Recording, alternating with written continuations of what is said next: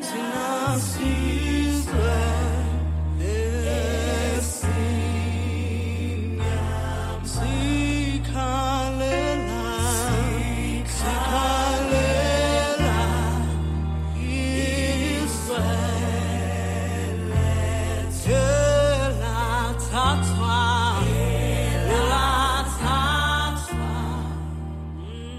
umAfrika nenkolo njoba uzwa lelibika singena ngalo nesesivamise ukuthi silisebenzise kulezi insuku ngoba liyakhuluma eh lapha ke ingoma kaBrenda Mtambo ethi thina sizwe esimnyama sikhalela izwe lethu. Akulona kuphela izwe elathathwa ngisho isithunzi sethu sathathwa. Ingakho ke kulezi insuku sikhuluma kakhulu eh ngenwele inwele eyivele sikhuluma ngengonyama ucetshwayo esaqala ukukhuluma ngayo lapha ke ngenyanga umandulo. Athi methu dokotela sikhulume ngengonyama ucetshwayo ngayibuza ukuthi hawu kazini ke le afuna ukuthi ke akhulume ngayo. Kodwa uthema ubuka izinto nosizi nokuhlupheka abhekene nayo ingonyama ucetshwayo ubheka ukuthi kwaze wafika la khona edingiswa khona kushiswa isigodlo esalapha ke ondini eh eh nokwathi lapho sekufanele ukuthi ke athathwe efake emkhunjini eh lapha ke ahambe eh lapha ke aye Cape Town esuke Cape Town eh aye pheshwa kwelandle kwase kuvela into ebalekile la acela khona ukukhuluma ke lapha ke esigodlweni. Kwathiwa isigodlo shile eh lapha nasisi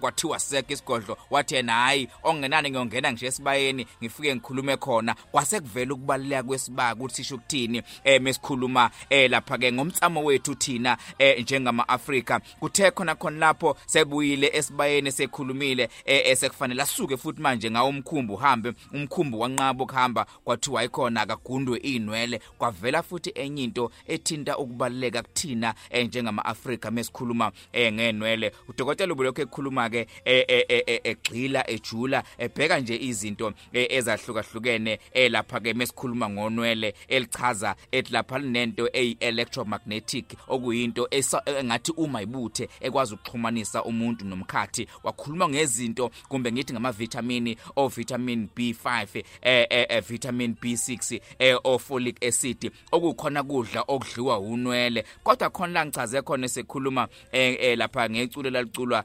amabhunu elithi yohare kan empeleni yohare kani pompomni okusho ukuthi inwele zakho eh, azinde kumbe azikho zinde zizeshayele emuva eh lapha ke enqeni okusho ukuthi uma ke inwele zakho zingezindi kanga zingezinde kangako kusho ukuthi nomqondo wakho emfishane lento ifuna ukukuvezela ukubaleka kwenwele nokuthi kungani eh, isikhathi esiningi eh, bebehlezi ngisho abantu eh, lapha bathunjiwe eh, uthola ukuthi sebegundwa eh, lapha ke inwele ngoba bebobaqonda amandla okubaleka kwenwele namhlanje kudokotela uthi ake sigxilela eningizimu Afrika eh, ke sibheke ukubaluleka konwele. Ke siyeke nje inkolo dokotela esigcile ekubalekeni lapha konwele. Ibeke eceleni inkolo sikhulume nje ngosiko lwenwele. Lithini usiko kwenwele? Hey macingwane ingane amayizelo amacingane ayigagundwa namanje ayigundwa ingane zabelungu. Engagundwa ingane amayizelo. Uyazi why ingagundwa ingane amayizelo? Ngoba ukufika kwengane emhlabeni nezinwele kwakuyona into ezokwenza lengane ime ikwazi ukuphila. Ikwazi umelana nezimo ezodibana nazo. Ingane kwake kwathi ngominye iminyaka kwafika isifo macingo nokuthiwa umuna. Angazi uma kwezwa lesifo macingo nokuthiwa umuna lapho khona ingane ayivele iphathwe zilonda zize siyogcwala ekhanda. Kwakufunekele ingane mayisiphethe umuna ingane igundwe. Kodwa kwakuthiwa ngoba awukwazi ukuyigunda inwele zonke lengane ngoba uma uyigunda inwele zonke kuzowehla izinga lawo lokuhlakanipha igcine futhi iphuzile ingane ukusukuma. Yayithatha isikhathi ukusukuma ingane egundiwe. So ke babe kuthi lapha okhakhayini kunendawo lapha kakhawa ayiveba phakathi lapha okhakhayini le 8 ingane amayigoli bethu akufoca okukhakhaya wakushiya unwele lapho kuliphotho liphotho liphotho bese igunda ke ke enze kwenzelwa lezi londa lezi.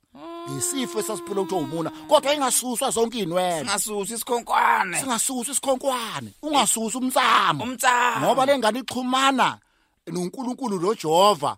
Naba ngasekho ngeinwele uNkulunkulu uqobo uhleze einweleni sasho sathi antenaye le. uNkulunkulu uhleze enolweni yeah. Ngakho ke unwele luyigugu ilona futhi unwele esinqoba ngalo. Kwakuthi lengane entombazana mayisikhulile ke uma ke yakhonjwa nje kwathiwa isimo isituku isiqomile noma kuthiwa ibigundela njengengane isencane intombazana encane ibima ngqi ukugunda. Yini imugunda na? Ngoba kwakusho ukuthi uma ingagundi kukhona kukhona wesiliso seyikhombile noma simnike ucu. Ayigundi ngoba uma kuyagunda isiyenza isoka libe ntekenteke. Ungathatha isikhathi ukuthi lilobola mhlawumbe ligcine ngalobolanga mhlawumbe lindize nami amantombazana mhlawumbe ligcine lishonile ngoba selintekenteke ungagundi kwalentombazanyana esiyikhombile isiyivikela leli soka layo. Kwakuze ukuthi noma kuthiwa isiganile yayingagundi umakoti. Akagundi umakoti futhi umakoti wayengawafaka amanzi ekhanda yena kugeza ikhanda. Isiko qalile inwelela lithi funeka kusuke umnyeni wakhe. Alik- amge- kube yena umgeza ikhanda ngoba kufanele egeze yena. Ngoba make ama egeza yena uba ntekenteke umkhwenyana. Ayi abadokotela engeke ijule kakhulu ijule kakhulu. Eh ihlabahlosile futhi indaba yenwele. Sikhuluma indaba ejulile indaba ethinta inwele. Eh udokotela uhamba aze athi uma nje intombazane ike yakhomba ikhomba isoka akusafanele eh ukuthi ke igeze inwele. Ngisho umakoti imbala kwangafanele eh ukuthi eh ageze inwele. Do- do- dokotela. Kwakuthiwa uma kuya ngoba ebhizi ongcono kathathe nje iconsi acontsisele inweleni. Sizoqhubeka ayigeze yena. Kodwa ozocontisa iconsi lokuqala ekhanda Kube ubaba. umnyeni wakhe. Hayi ba. ngoba bengakwenzi lokho umnyeni uzothamba. Kwakuthi ke noma lona wesifazane seshonelwe yini na? Indoda. Indoda. wayeqala lapho uthi amayishona indoda hlazane kuyogezwa. Bahambe naye ke abanye baye naye emfuleni. Uyofike ke aligeze leli khanda leli. Ama iqeda ugeze bese yisusa idwela gundeke uzobe kugunda kwakhe kokuqala lokho. Uyabona uhamba exactly kuyongena eBhayibhelini njengoba ngeke ngachaza kuqala uzobe segunda. Kodwa uma egunda funeka lezi inwele uma ithathwa ifakwe eqhaphozini hayi enye indawo zifakwe eqhaphozini uma engeze ukufaka eqhaphozini feke yofuna indawo eyisiduli enomuhlwa la lefeke izofike zifakwe khona funeka idliwe lo muhlwa. Hayibo ngoba inwele amazidlwa lomuhla lomuhla lomuhlwa kushito ethile kulonkosikazi ngakulezi ingane eyizele ukuze nazo zingathambi. Uyabona ukuthi ukususwa konwele nokubukela phansi konwele amasithi ipolitiki yonwele. Ethi amafilosofa ngale kwaqedwa ngesiko lomuntu uma umuntu e- e- e- unwele lungathathwa njengento serious. Usuyabona ke manje kwakusho ukuthini? Wayengabe sagunda ke futhi umuntu wesifazane. Yini engasagundi ke manje futhi? Kodwa useyakwazi igeza bomnyeni akasekho Yep. kodwa wayeqhubeka ngagundi mase yimelile. Ngoba wenza yini angagundi na? Use use- use- useyivikelele izingane ayizeleke manje. Ukuthi nazo singabi inteke inteke hayi namhlanje uhlangana hayi beshaye nje isikopho kuthiwa u- ubeganile nje lona ema ko- ko- ko- kwamahaye. Ubegane kwanodanga kumningisa kampikwane lono. Angani unko- un- unkosikazi wompanga azitha nje lona. Awungani unkosikazi womahlobo nje lona. Unkosikazi wontanzi lona. Unkosikazi wobhingu lona. Kwenzeke kanjani manje unkosikazi wendubaze emathumba atholakale e- esehamba ngegada na? Ingoba abayazi lemfihlo esikhuluma ngayo. Ngakho uJehova use useyidweleni. Yingakho nabathakathi uma bethakatha uma bethola unwele suke bekwazi ukuthola wonke lo mndeni ngoba um- unwele liphethe idini A wonke lo mndeni lowo. uJehova usubusihleni weleni nje? Ukubona ngani lokho na ukuthi uJehova uhleli weleni nyaze inihlezwe enweleni na? Ubona ukuthi uma kunento eyingozi wena ungayiboni. Uswaca yini na? Inwele. Kuswaca inwele ukuthi ukuthi eh, eh, njengoba usukubona izilwane zasendle. Imisa ikhanda. ingakaboni ukuthi inkinga ingaphi. Ingoba khona into esiyitshelile ukuthi khona ingozi ebhekana nayo. Nakubuntu ke kunjalo lubaleke kanjalo unwele. Abathakathi bakwazi nokuthumela inyoni eba isimo selulwane ebusuku i- esuke ithunywa abakhunkuli hey izotshontsha nje. Izotshontsha nje unwele. Unwele. Ehhe. kodwa khona ke ezinye inyoni ezithatha indwele njengo njengomvemve nje. Umvemve awuthakathi kodwa uyalithatha unwele eh, uyokwa uy- uyokwakha idleke sawo ukuze kunothe i- e- e- e- amaphuphu alo umvemve. Kodwa ishwa ngomvemve ukuthi umvemve indlu yakhe eduze komfula. Uma ke yawa lendlu yawela emfuleni yahamba nomfula nawe ziyaqothuka zakhe nele ebeyithathwe lo mvemve hey bayi kodwa kodwa kuyifilosofi kuyifilosofi enzima macingwane engadinga sihlale senabe ngoba sikhuluma ngale zinto macingwane si decolonizer i-education esayithola. Yep. Ehe. I-education esayithola yayinogcobo Yayinogcobho. inomkhuba phakathi. Ehe. Ngakho macingwane uma sikhuluma ke ngonwele nomtsamo sihamba size sifike lapho. Singaqhubeka nje macingwane eh eh eh eh, eh uma isikhathi sakuvumela baba sifunda incwadi kaJoshua 7 uverse 10 uthi usumakade wathi kuJoshua sukuma weleni ngobuso emhlabathini na? uIsrayeli womile usephulile isivumelwano engimisele sona bathathile izinto eziqalekisiwe eziqalekisiweyo bebile benza inkohlakala bazithathele lezo zinto lezo bazihlanganisa nezinto abazisebenzayo. Ungasusi isikhonkwane esidala oyihlaba somisileyo wayese emboze ngobuso uJoshua ngoba wathi ukhipha amabutho eyolwa afike yanqontshwa impi. Wabuya waze ukhala uNkulunkulu ukuthi abantu babhubhile.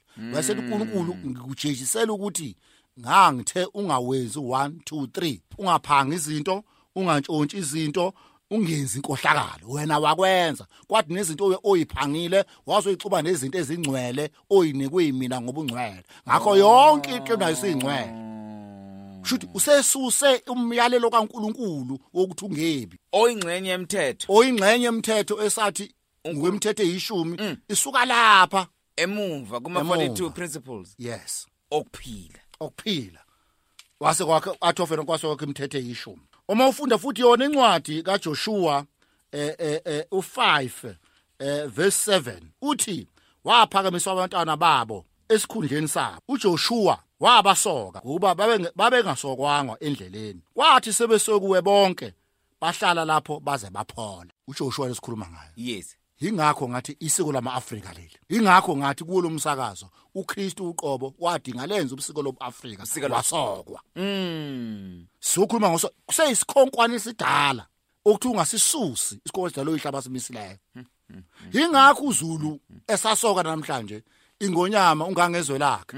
Eh eh eh eh, ubhejane ephuma esiqiwini ebuzile nje ufika wavusela isiko lokusoka lisuka kude koJoshua lisuka kude hey, ngakho ungasithathi kancane amasithi thina noma sila sehla saze sazofika la siqhamuke Central Africa siqhamuka siqhamuka kuGibhide siqhamuka ku- ku- ku- ku- eNile siulibo lase la kwiPaplas River. Ingakho kuthiwa si- sikhonza amakhosi ohlanga. Ingoba lento eyenzakala unazi sifunde eBhayibhelini njobe njalo. noKristu ke kwadinga ukuthi ayosokwa ngoba wayengeke phela sisuse isikhonkwane esidala oyisaba simisileyo ngoba uma wayengenze njalo kwawungasho ukuthi usephikisane nomthetho othi eh eh eh esithola encwadini kaLevi esithola encwadini kaLevi eh uLevi eh, eh, 19 uverse 30 uyosukuma nxa kumi impunga phambi kwakho uyohlonipha umuntu omdala uma esaba uNkulunkulu wakho ngingusemakade.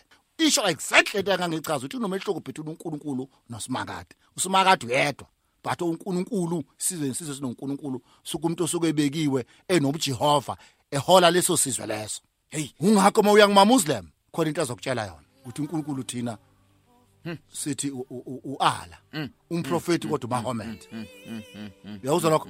Ingakho uzoya imkhakha ngemkhakha emkhakha yenkolo. Ngisho ngaya komamarahu eSouth Africa indigenous churches uye ko ko- ko Barnabas lehanyana inkolakala lehanyana uzofuka uthola into efana naleyo. Uye yonke indawo lezo zinto lezo uNkulunkulu uzenze ngobukhulu bakhe. Ngakho ke macungwane kubalekile ukuthi ke eh macungwane hey eh eh si- sidlule kulezi zinto lezi ngamabomu ngoba macingwane umsamo ngichazile khona la emsakazweni emsamo ngohlokahlukana kodwa bengithi ngikhulume ngonwele njengomsamo ngoba umsamo hayi ukuthi umsamo la yandawo Le- leya. khosombe liba lapha endlini. lela khombosi symbol wena uqobo umsamo. Umsamo kwangenwele njengoba ke kuthiwa ungaya ethempeleni kodwa ithempeli umzimba wakho wona qobo lawo. Funa Uyithempeli. kuhla- funa kuhlambuluka ngoba umzimba uqobo lawo uyithempeli kaNkulunkulu.